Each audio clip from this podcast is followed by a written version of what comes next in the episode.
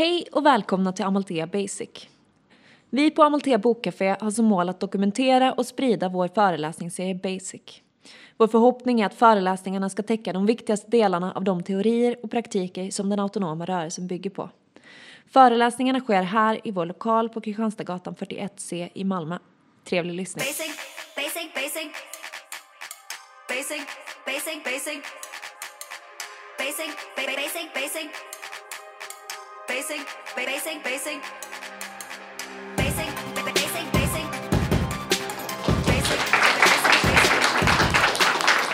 Tack så mycket.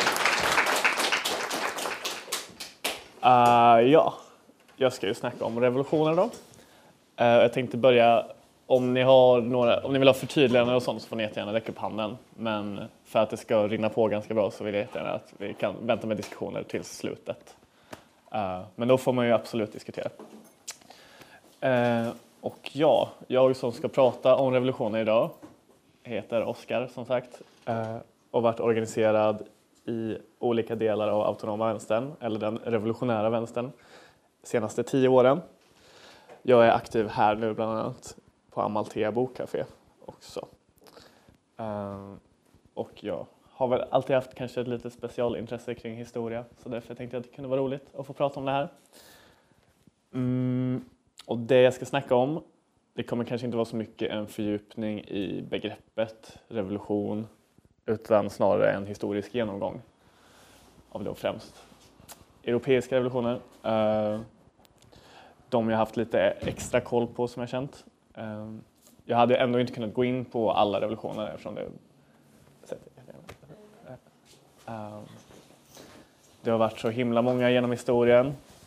Eh, jag kommer väl gå in på dem som dels jag tycker att jag har haft lite bättre koll på och uh, dels som jag tänker är kanske lite mer relevanta för vår rörelse idag.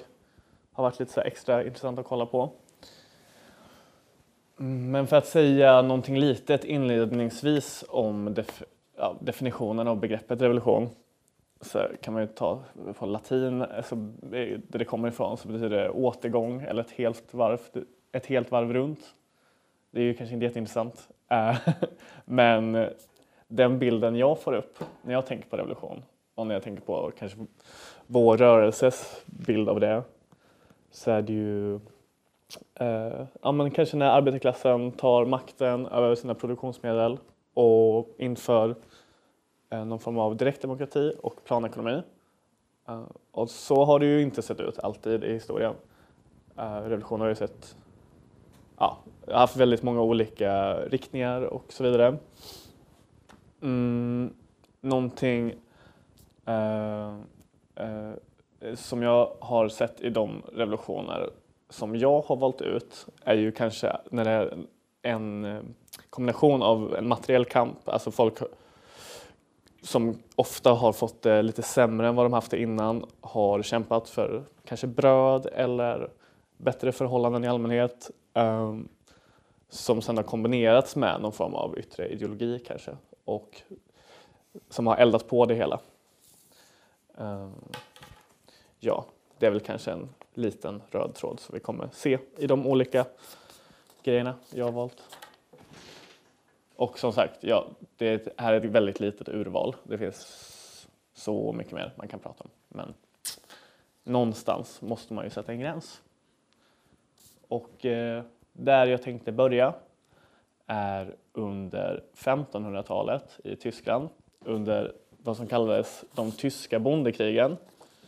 Eh, 1524 till 1525. De här kanske inte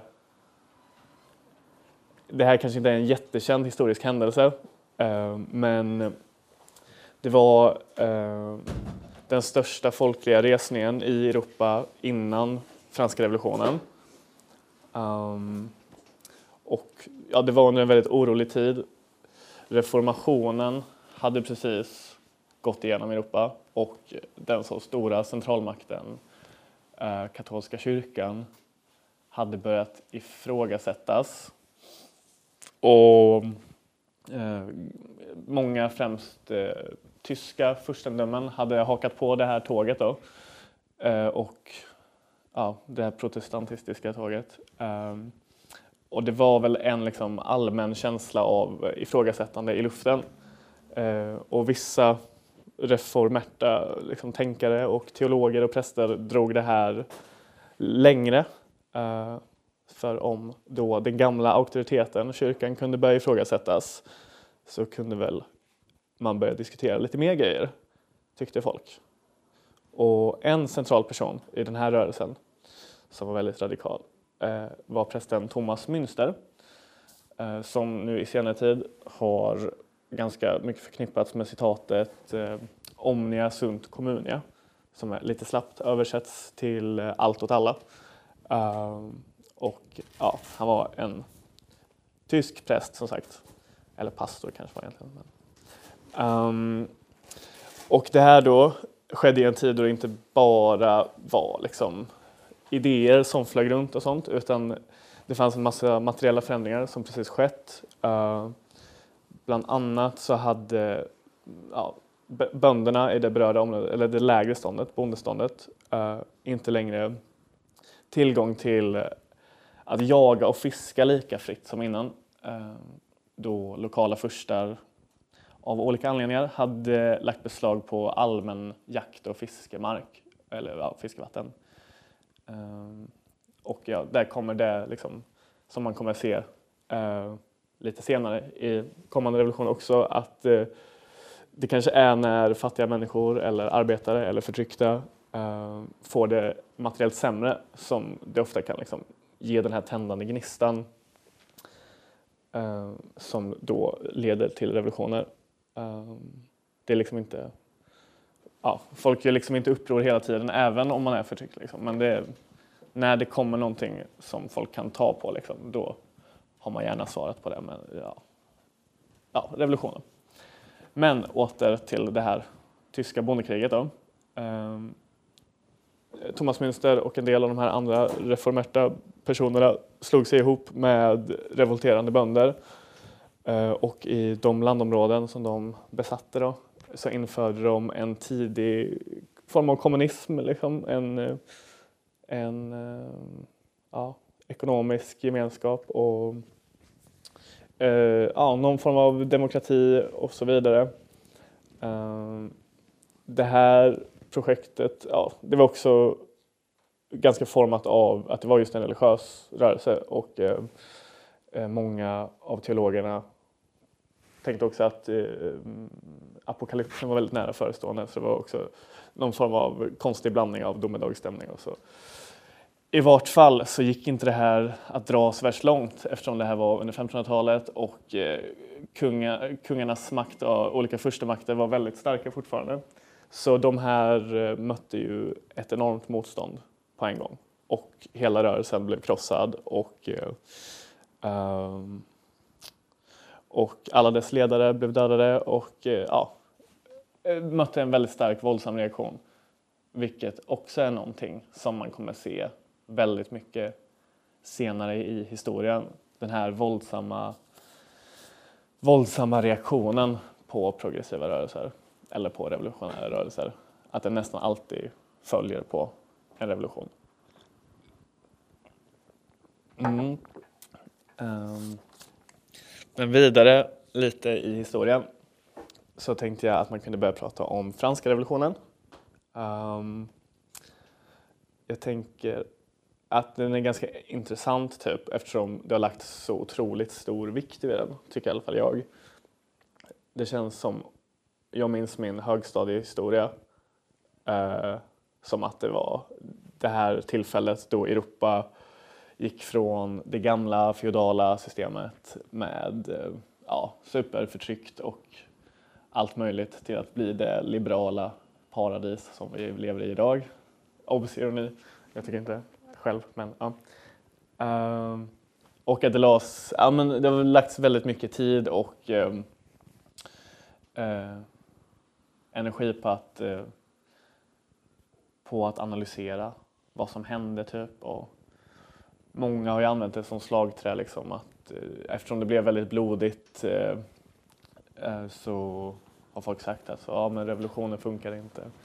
Medan andra har varit väldigt nöjda med utgången, typ att det ledde fram till det samhälle vi har idag. Men ja, oavsett. Um, det som hände då i, under franska revolutionen var dels hade ju eh, upplysningens idéer börjat spridas ganska mycket eh, i Europa då, under den här tiden. Eh, så folk var väl så på humör för att kanske inte ha så mycket ehm, ja, men tyckte väl att det var lite konstigt med eh, att kungen fick sitt, liksom, sitt ämbete från Gud och så vidare. Man kanske tyckte att det fanns väl andra sätt man kunde göra det på. Eh, och de här idéerna eh, tog fäste liksom, i, en, i ett Frankrike som var väldigt skuldtyngt för tillfället. Eh, ekonomin hade innan funkat ganska bra men just under slutet av 1700-talet så hade man eh, ja, skuldsatt sig över öronen för att man deltagit i det amerikanska sjuårskriget eller bankrollat amerikanerna under det här kriget. Eh, och eh, skatterna höjdes Eh, för det tredje ståndet, alltså bondeståndet, eh, vilket innehöll 97 procent av Frankrikes befolkning. Och sånt. Eh, de rikaste procenten, alltså adeln och prästerna, var befriade från skatter. Ehm, så de upplevde ju inget så höjt skattetryck. Men i alla fall, det tredje ståndet eh, fick sina skatter chockhöjda. Och samtidigt så hade det varit ett missväxt år i Frankrike. Hela skörden hade, hade haglat bort. Så folk var eh, mycket fattigare och mycket hungrigare än vad de brukar vara. Eh, och under de förutsättningarna så sammankallade kungen en ståndsriksdag. Alltså det, det hade funnits innan också men den hade inte sammankallats på ett par hundra år. Det hette nationalförsamlingen. Och i den så var eh, det här tredje ståndet, bondeståndet, representerat av 600 personer, eh, delegater. Och de två andra stånden, som då var bara några procent av befolkningen, var också representerade av 600 delegater. Så eh, alla omröstningar gick väldigt dåligt. Alltså det blev, det blev lika i varje omröstning. Så efter ett par dödfödda sådana omröstningar, för kungen behövde också sammankalla det här parlamentet då för att få med sig folket, för han fattade att så, oh, jättedumt att, eh, att, eh, att höja skatterna så här mycket utan att få med sig människorna. Så då ville han liksom få med sig de här representanterna och säga att det var för Frankrikes bästa och så vidare. Men folk gick inte riktigt med på det då.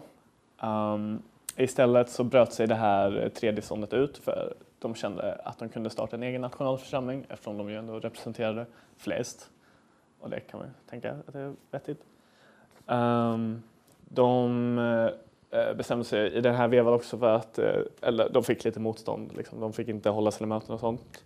Så de bestämde sig för att storma Bastiljen um, och eh, få tag på vapen där, eller frita lite fångar och få tag på vapen. Och det är ju, jag tänkte ha en slide, så då tänkte jag visa bilder på det. Eller jag tänker att alla har sett de väldigt ikoniska bilderna. Men det hade ju varit fint att visa nu kanske. Men oavsett. Um, det är också Frankrikes nationaldag nu med, när de stormar Bastille Day. Mm. De skrev också eh, om konstitutionen. Där de skrev in att adeln och kyrkan också skulle beskattas. Och de blev av med ganska mycket andra av sina privilegier. Men det var väl det främsta av privilegierna som de, eh, som de blev av med i den här vevan. Ehm, den här nationalförsamlingen publicerade också ett ganska intressant dokument eh, som hette Deklarationen om de mänskliga rättigheterna. Och det är väl, alltså det var väldigt, väldigt revolutionärt för den tiden. Och det är väl väldigt intressant rent idéhistoriskt att titta på det. Ehm, att det var ändå de här som sa sig leda Frankrike då, och hade ganska stort stöd och ja, de skrev in liksom i landets eh, ja, konstitution eller så att eh, eh ja, men att eh, eh, att alla ska behandlas lika eller typ ja, de här vaga formuleringarna som ändå finns i det här dokumentet. Um, det hade aldrig liksom eh, tagits på, eh, på så stort allvar. Det hade kommit in med upplysningen, liksom, att den här filosofiska delen. Men nu blev det här politik uh, på ett annat sätt. Um, men eh, ganska mycket där så tog de, det revolutionära slut. Det fanns en liten vänsterfalang i den här rörelsen som hette Jakobinerna. Uh, eh, och de försökte väl se på lite mer uh, långvariga uh, progressiva reformer. Liksom. Men ja, i princip så tog det revolutionära äventyret slut för den gången där. För man, ja, bland annat på grund av, alltså det var jättemånga olika anledningar, men det var många reaktioner och motrevolutioner och så vidare. Och sen så kom Napoleon in i bilden när kungen höll på att avsättas. Um, och ja, revolutionen gick ganska snabbt, om intet i alla fall. Adelns privilegier kom tillbaka och så vidare. Um, men det var en ganska intressant liksom, idé som kom in kanske i bilden i och med det. Uh. Mm. Också, det kan vara en sak man tar upp också, att, eh, ehm, att för det stora flertalet så var det kanske viktigare eh, det här med mat på bordet och sånt än, eh, än de här fina upplysningsidealen. Det var inte jättemånga som hade det som anledning att ge sig ut på barrikaderna. Bland annat när, alltså många tyckte ju att kungen kunde sitta kvar under den här tiden. Det var inte så en monarki som var problemet eller så bristen på demokrati kanske som var problemet. Bland annat när det var en ganska känd händelse när Parisborna tågade ut mot Versailles och hämtade tillbaks kungen igen in till stan för att ja, då har man, har man väl tolkat det som liksom att nu var man trött på kungamakten. Men det var snarare att ett rykte hade gått att man eh, förvarade en massa spannmål ute på Versailles så de gick ut dit för att leta efter spannmålet. Det var inte så ja, det var inga större idéer än det kanske som var med i och spelade då. Även om det nog kan ha varit en växelverkan mellan liksom, idéerna och eh, liksom, de materiella behoven.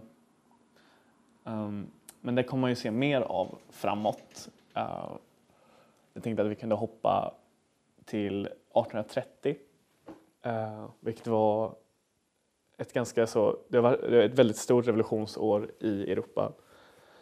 Eh, det var ganska många sådana nu, alltså där, när feodalismen håller på att ta slut och kapitalismen håller på att liksom komma in på banan så sker inte det utan oroligheter.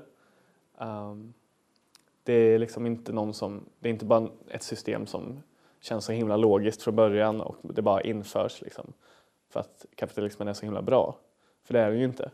Och den är inte alls liksom, det var inte alls problemfritt när den inf eller infördes då. Um, utan det skedde under jättemånga olika, ofta blodiga tillfällen um, av revolutioner och kontrarevolutioner och så vidare. Uh, men här år 1830 i vart fall så, ja, eller kan man också säga att uh, um, de här revolutionerna kan ha, alltså det är inte jätteintressant så, idéerna tycker jag i vart fall i de här. Det handlar jättemycket om typ så olika, att kanske avsätta en lite mer konservativ kung och införa en lite mer liberalt sinnad kung eller det kanske handlade om vissa specifika skatter eller Eh, pan-germanistiska strömningar fanns det också i, här 1830 att man, så många tyska furstendömen ville enas och bli liksom, det som idag kallas Tyskland. Um, så ja, det var en väldigt stor revolution också, väldigt eh, levande liksom, politisk rörelse under den här tiden. Um, men jag tycker inte den är så, så superspännande. Liksom. Men ja, det kan man ju, det kan man ju tycka. Uh, I vart fall 1830 uh, eh, och sen också 1848 så var det en till stor revolutionsvåg i Europa. Um, och där um, har det kommit in lite mer tankegods som jag tycker är relevant för oss då. Um, de här åren, eh, ja, från kanske franska revolutionen och sen 1830 så börjar man kanske märka någonting och sen 1848 då ser man tydligt att det har kommit in eh, en påverkan av att flera och flera människor jobbar så, in, i någon form av industriproletariat. Um, man har liksom gått från eh, en stor, liksom, bo, ett stort bondestånd till snarare att en arbetarklass har utvecklats. Um, och eh, även om de här revolutionsvågorna har handlat om lite olika, liksom, väldigt specifika grejer så har det då år 1848 ändå kommit att organisera sig en ganska betydande del som är nära, nära ideologiskt där vi är idag.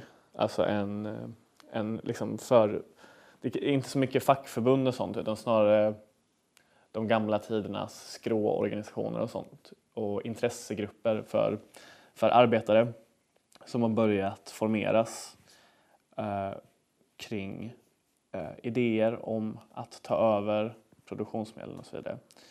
Eh, 1848 så släpps eh, Marx och Engels kommunistiska manifestet i, som en liksom, de har under sin livstid då sett en himla massa rörelser komma och gå och eh, ja, blodiga revolutioner och utkämpas. Uh, men uh, uh, ja, det är först, först nu har de liksom kanske formerat sina idéer lite mer i en liksom växelverkan med den praktik som utförs. Typ. Jag kommer inte säga så mycket mer om dem för, ja, eller om den tiden.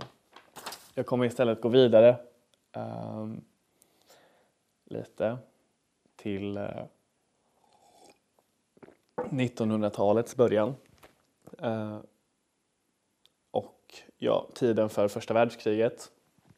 Um, och här tycker jag väl att man, jag vill stanna upp här lite mer för att här tycker jag att det kanske har utvecklats, alltså de idéer vi själva har idag eller den praktik som vi ser idag när vi kallar oss för revolutionär vänster um, har ganska mycket formerats här, uh, eller börjar i praktiken formeras mer tydligt här. Um, och jag kommer prata om uh, ryska revolutionen och uh, det tyska revolutionsförsöket. För, vilket det var. Det var en revolution men det släppte aldrig riktigt för dem. Så Eh, det stannade ganska tidigt.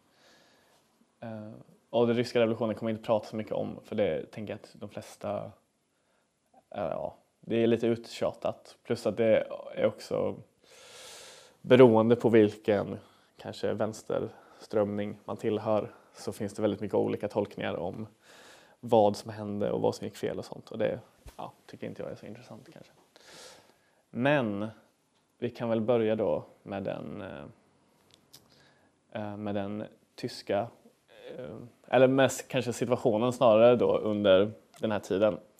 Eh, så från 1848 så har nu till 1910-talet kapitalismen verkligen gjort sitt intåg på arenan. Industrialismen har utvecklats jättemycket. Ehm, I dess spår så har också nationalstaterna bildats som ett annat koncept. Liksom. Ehm, det, här har, det här speglar sig liksom i hela samhället uh, väldigt mycket på arméerna. Um, att det är väldigt mycket större arméer och mer högteknologiska vapen. Mm. Och det kommer ju att synas sen i kriget att det blev så otroligt blodigt som det blev. Och så. Uh, men också har arbetarrörelsen tills nu då hunnit öka supermycket i styrka. Kanske speciellt i Tyskland. Jag har ingen siffra på det nu men det var äh, från att ha in, inte ha funnits då till att organisera flera miljoner människor så står det tyska socialdemokratiska partiet liksom är, ses som en, riktig, en kraft att räkna med verkligen. Um, och även om alla, det inte finns någon allmän lika rösträtt eller så, så är de, jag tror de är näst störst i parlamentet av partierna. Uh, även om liksom, arbetare generellt kanske inte får rösta. Liksom. Um, Så det här är liksom en helt ny politisk uh, spelplan än vad vi sett tidigare. Liksom. Um, Ja, uh, det finns också en socialistisk international som kommer att spela en stor roll i den här konflikten, eller i det här dramat. Eh, innan kriget, alltså från sekelskiftet och framåt, eh, eller sedan internationalens börj- eh, startande, så kanske man har märkt att typ eh, de europeiska makterna rustar för krig. Liksom. Det läggs väldigt stora pengar på vapen och eh, man lovar varandra dyrt och heligt från de olika europeiska socialdemokratiska partierna. Eftersom ja, det finns mest socialdemokrater under den här tiden. Det finns liksom mer radikala strömningar men den stora liksom, organiseringen inom arbetarrörelsen sker i den här tiden inom Socialdemokraterna. Det kommer ju sen att splittras liksom, i vänsterflanger och kommunister och så vidare. Men här sker det mesta inom, inom socialdemokratin. Um, och ja, uh, Internationalen som sagt, eh, man lovar varandra att inte ställa upp på borgarklassens krig. Man ska inte mörda sina arbetarbröder i sina grannländer utan man ska vägra vapen och eh, ja, ehm, det är bland annat en viktig grej de har sagt när eh, första världskriget närmar sig är att man ska, om det blir en liksom krigsförklaring så ska man gå ut i generalstrejk i de här länderna. Eh, alltså att alla strejkar på obestämd tid med målet att så hindra kriget därigenom. Men det blir ju inte riktigt så va? Uh, tyvärr. Uh, dels på grund av olika realpolitiska mm, ja, uh, Eh, eh, Ryssland under den här tiden ses som ett väldigt så konservativt land. Det leds som en, en det är många som är, eh, länder som är kejsardömen, bland annat då Tyskland. Men Ryssland ses som ännu mer konservativt av olika anledningar. Och ja, i parlamentet och så vidare så diskuteras det som att, eh, um, som att det är liksom en progressiv grej att gå in i det här kriget mot ryssarna för att skydda liksom, det liberala, öppna, fria Europa. Och, sånt. och det kan man ju lite känna igen i tongångarna idag, att det här kriget motiverades på det sättet. Um, och ja, det sågs liksom av ganska många, ganska stora delar av socialdemokratiska partiet som en, ehm, i alla fall deras representanter i parlamentet, som en eh, då progressiv handling att eh, gå in i kriget och stå med sin egna borgarklass än att liksom, göra som planerat, att göra motstånd mot det. Eh, alla var ju inte jättenöjda med det här. Va?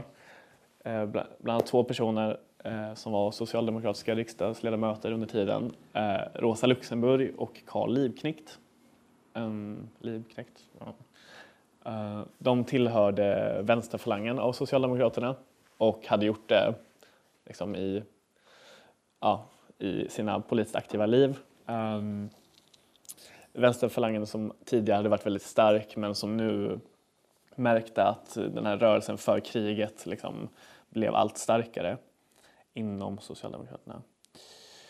Uh, när kriget sen startar igång så går liksom den högern inom Socialdemokraterna längre än vad man kan tänka sig och de går med på vad som kallas för en borgfred med, eh, med eh, högern och kapitalisterna i Tyskland. Att man liksom inte ska tillåta några strejker eller demonstrationer under kriget utan nu håller vi alla tyst och sitter i liksom nationalstadsbåten och är snälla.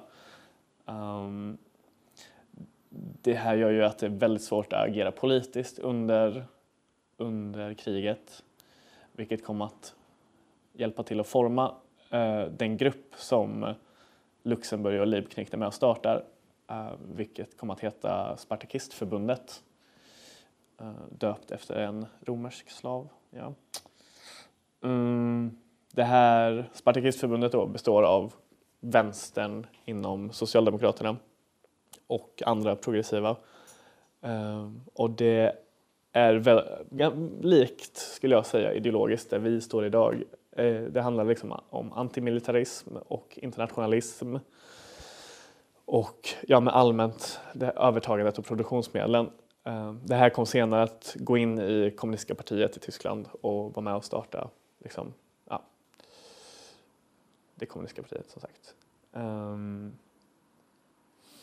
Mm, den här rörelsen finns då under kriget i Tyskland av folk som är motståndare mot det.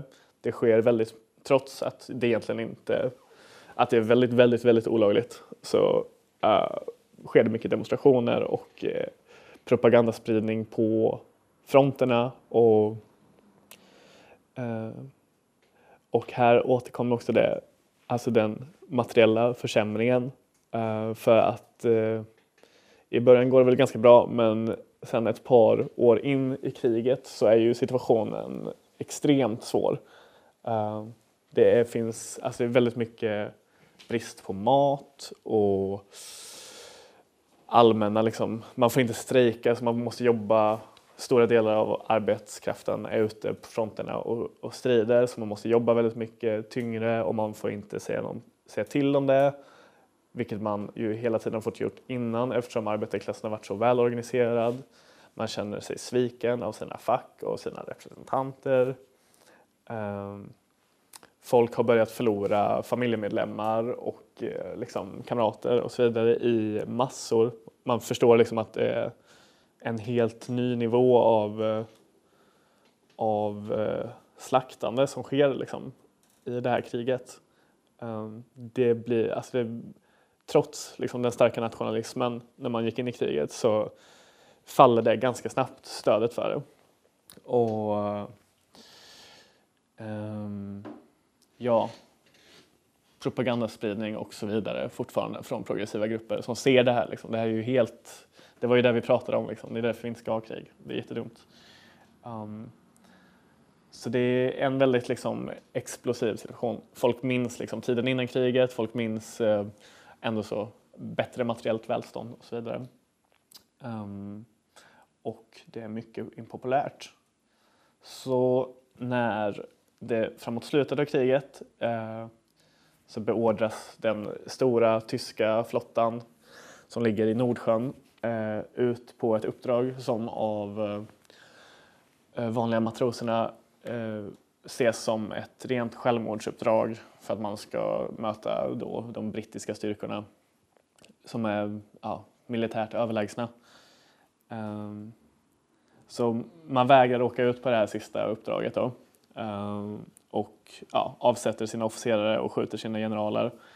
Uh, och uh, jättemånga fängslas men i, i Kiel, då, den här stan där flottan ligger, så uh, Eh, befolkningen är också jätte Alltså man är förbannade på kriget, man bara väntar på en tändande gnista. Liksom. Så man slår sig ihop med uh, de här matroserna då, de upproriska matroserna um, och har möten och demonstrationer tillsammans med solidariskt inställda arbetare och börjar ta över sina egna båtar och uh, ja, men, beväpna sig uh, för att skydda sig. Då.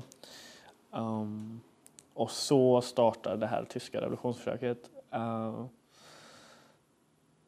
mm, samtidigt som det här händer i Tyskland så kommer det in rapporter från Ryssland uh, där eh, bolsjevikerna har tagit makten. Um, ja, det är ju först en februarirevolution och sen en oktoberrevolution och ja, det händer lite grejer där i alla fall uh, som är jätteintressant, absolut. Men i slutändan så tar då de här, eh, den här vänster, eh, vänstersocialdemokraterna eller kommunisterna makten i Ryssland och eh, skickar ut, liksom, de vill ha fred på en gång, de kapitulerar från kriget, de drar hem sina styrkor.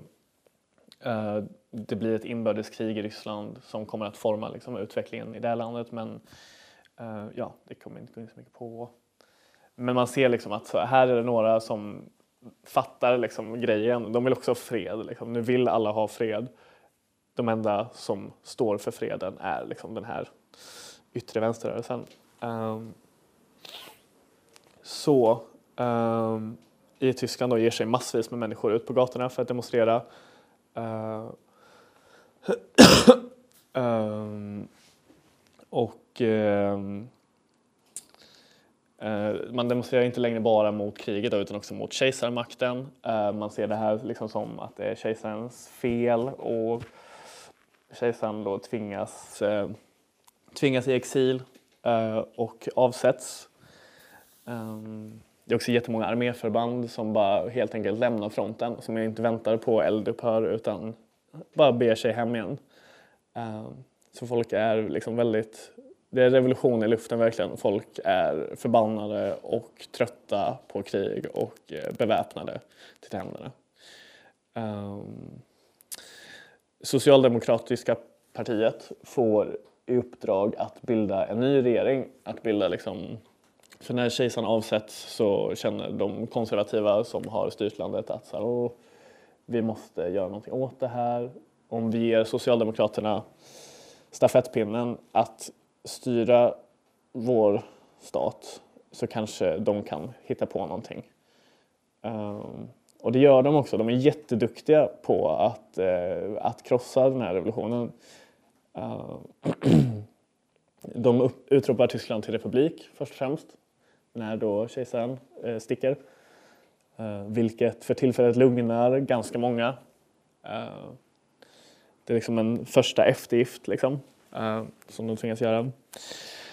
Um, de börjar också knyta till sig fortfarande lojala och alltså, ja, lojala förband från militären. Det gör de ganska tidigt. Um, för att eh, då, vissa nöjer sig inte med att bara ha republik utan nu fan, nu, nu slutar vi, nu ser vi till att det aldrig blir så här igen. Så då, Eh, det här Spark, Spartakistförbundet eh, tar sin chans då när, under de här upproriska strömningarna och eh, med vapen i hand tar över stora delar av Berlin eh, och man gör det liksom samtidigt som eh, matroserna tar över Kiel och i Ruhrområdet, alltså det stora industrialiserade området i Tyskland, så är också arbetarna har tagit över liksom sina fabriker och startat råds, alltså soldat och arbetarråd. Och samma sak händer i Bayern samtidigt där um, ja, Bayern, hela området Bayern utropas till socialistisk rådsrepublik. Um, Och ja, i, Tys- i Berlin som sagt, spartakisterna uh, som tydligast grupp där uh, besätter olika delar av staden. Och, så. Ehm, och här tror jag att man ganska mycket hoppas på eh, att Socialdemokraterna eh, ska, ska se att det här är en superfin chans liksom, att, eh, att göra det som de pratade om. Ehm, men deras vilja att behålla det här, alltså den här makten som de har fått nu och den här status quo istället för att alliera sig med vänstern. Den är då för stark. Och de kallar in de här, ehm, de här fortfarande lojala arméförbanden som nu kallas Freikorps, för det är så, frivilliga liksom, militärer. Eh, och de griper och avrättar bland annat då Rosa Luxemburg och Karl Liebknecht. Ehm, och är med och ja, ser till så att den här, liksom, det här revolutionsförsöket krossas helt och hållet.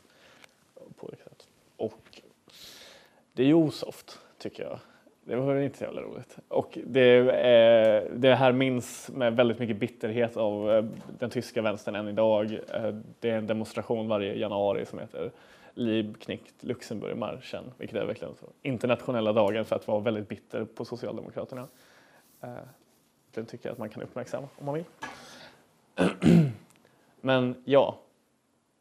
Eh, det var ju, alltså, tycker jag i alla fall, eh, som jag ser, liksom, en, um, ehm, ett väldigt, väldigt det var väldigt nära att det gick väldigt bra där i historien, men tyvärr gjorde det inte det. Um,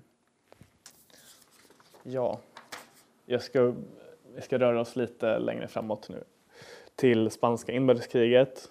Um, för vad är klockan? Kvart i- ja. Ja, eh, ja då tar vi spanska inbördeskriget också. Då. Alltså. Eh, det är ju en annan, eh, en annan kontext vi befinner oss i när spanska inbördeskriget bryter ut. Det har precis varit en väldigt så reaktionär period under 20 och 30-talet. Det har varit väldigt split, en väldigt splittrad vänster. Ja, interna, alltså folk är superdesillusionerade eh, med Socialdemokraterna och de kunde tillåta kriget trots sin så väldigt mäktiga ställning och att de inte gjorde tillräckligt mycket. Um, den kommunistiska rörelsen som verkligen börjat formeras nu och startat en egen kommunistisk international uh, med väldigt mycket, ganska mycket ledd från, från ryska bolsjevikpartiet. Um, Eh, de har utropat Socialdemokraterna till så, ja, de är socialfascister och en av de så stora fienderna. Liksom. Uh, en väldigt, alltså en väldigt kaosig och stora depressionen också precis skett så folk är det går riktigt dåligt både för kapitalismen och för liksom så, den progressiva rörelsen. Och, ja, det är inte kul Eh, i vart fall. Och det kommer också leda fram till liksom, nazismens övertagande, eller nazisterna har redan tagit över i Tyskland och den här stora liksom, reaktionära vågen har svept över Europa från, uh, från Italien och Ungern och så vidare. I Spanien i vart fall under den här tiden så har det också varit väldigt oroligt. Uh, men en republikansk uh, regering har röstats fram. Den är så, lite så snäll vänsterregering liksom. Uh, och den är väl rätt populär hos stora delar av liksom, den arbetande befolkningen. Men eh, den fascistiska rörelsen i Frankrike tycker ju det är sämst så då eh, finns det en general som heter Franco som eh, sätter sig i spetsen för en rörelse, en militant rörelse som ska eh, krossa det här revolution, eller det här, ja, den här demokratiskt valda eh, regimen. och som svar på det så eh, den radikala arbetarrörelsen i Spanien på en gång svarar på det med att med vapen i hand ge sig ut och eh, skapa milisförband och eh, ta över sina fabriker och så vidare. Och det dras kanske som längst i Katalonien där eh, den anarkistiskt syndikalistiskt influerade fackföreningsrörelsen är väldigt stark. Uh, man har många miljoner medlemmar, jag vet inte exakt hur många men, men det är en väldigt stark rörelse där. så i um, ja, i väldigt många områden så verkar det som att den här fascistiska kuppen istället har bytt skepnad till att liksom helt och hållet istället handla om en väldigt progressiv uh, um, socialistisk rörelse. Ehm, så så ser det ut där i alla fall. Och då tänkte jag kanske, för att någonting som jag har tyckt eh, hela tiden som organiserad och sånt är när man får liksom en känsla av revolution, att det är så jävligt ballt typ. Om man är på en väldigt, eh, väldigt eh, lyckad demonstration eller kanske i ett ockuperat hus eller i en Ja, man befinner sig, man får liksom olika känslor av så. Det, så här var det säkert, eh, så här är det säkert att eh, göra revolution, så ta makten över sina egna liv som rörelse. Eh, och ett ganska, jag tänkte läsa upp ett citat från som handlar om känslan då i Spanien eh, här i början. Eh, det är, från, eh, det är han George Orwell, en författare och journalist som åkte till kriget och deltog eh, på, eh, på liksom den spanska republikens sida.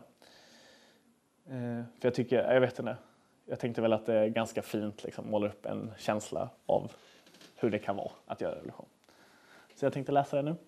Um, Yes, it was the first time that I had ever been in a town uh, where the working class was in the saddle. Practically every building of any size had been seized by the workers and was draped with red flags or with the red and black flags of the anarchists. Every wall was scrawled with a hammer and sickle and with the initials of the revolutionary parties. Uh, almost every church had been gutted and its images burned churches here and there were being systematically demolished by gangs of workmen. Every shop and cafe had an inscription saying that it had been collectivized.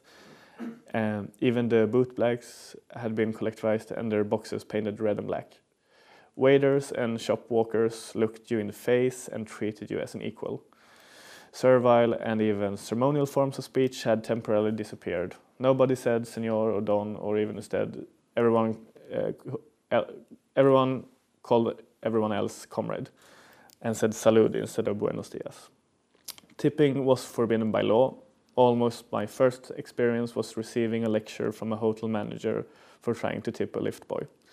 There were no private motor cars, they had all been commandeered, and all the trams and taxis and much of the other transports were painted red and black.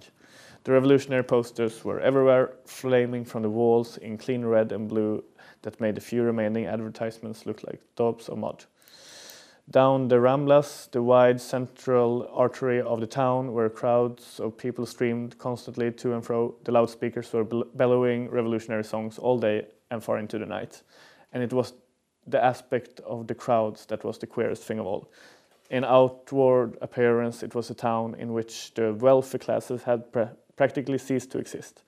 Except for a small number of women and foreigner, foreigners, there were no well dressed people at all. Practically everyone wore rough working class clothes or blue overalls or some variant of a militia uniform. All this was queer and moving. Ja.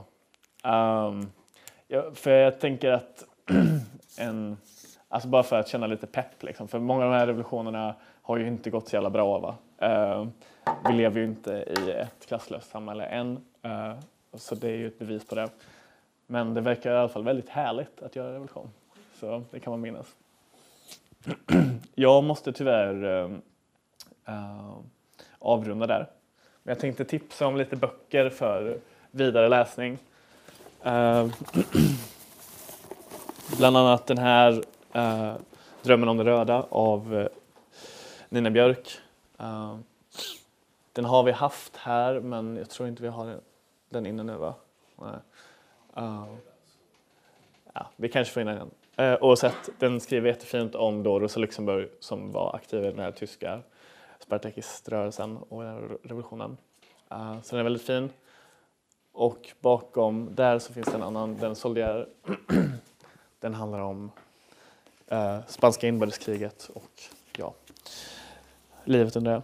Och båda två tycker jag ganska fint pratar om, inte bara om liksom ja, alltså det är inte bara fakta om vad som händer utan också alltså den känslomässiga aspekten av att göra revolution och så. Så de kan jag tipsa om. Och nu får ni jättegärna vara kvar tills folk vill stänga och diskutera och så vidare. Men jag måste tyvärr dra. Så tack så mycket.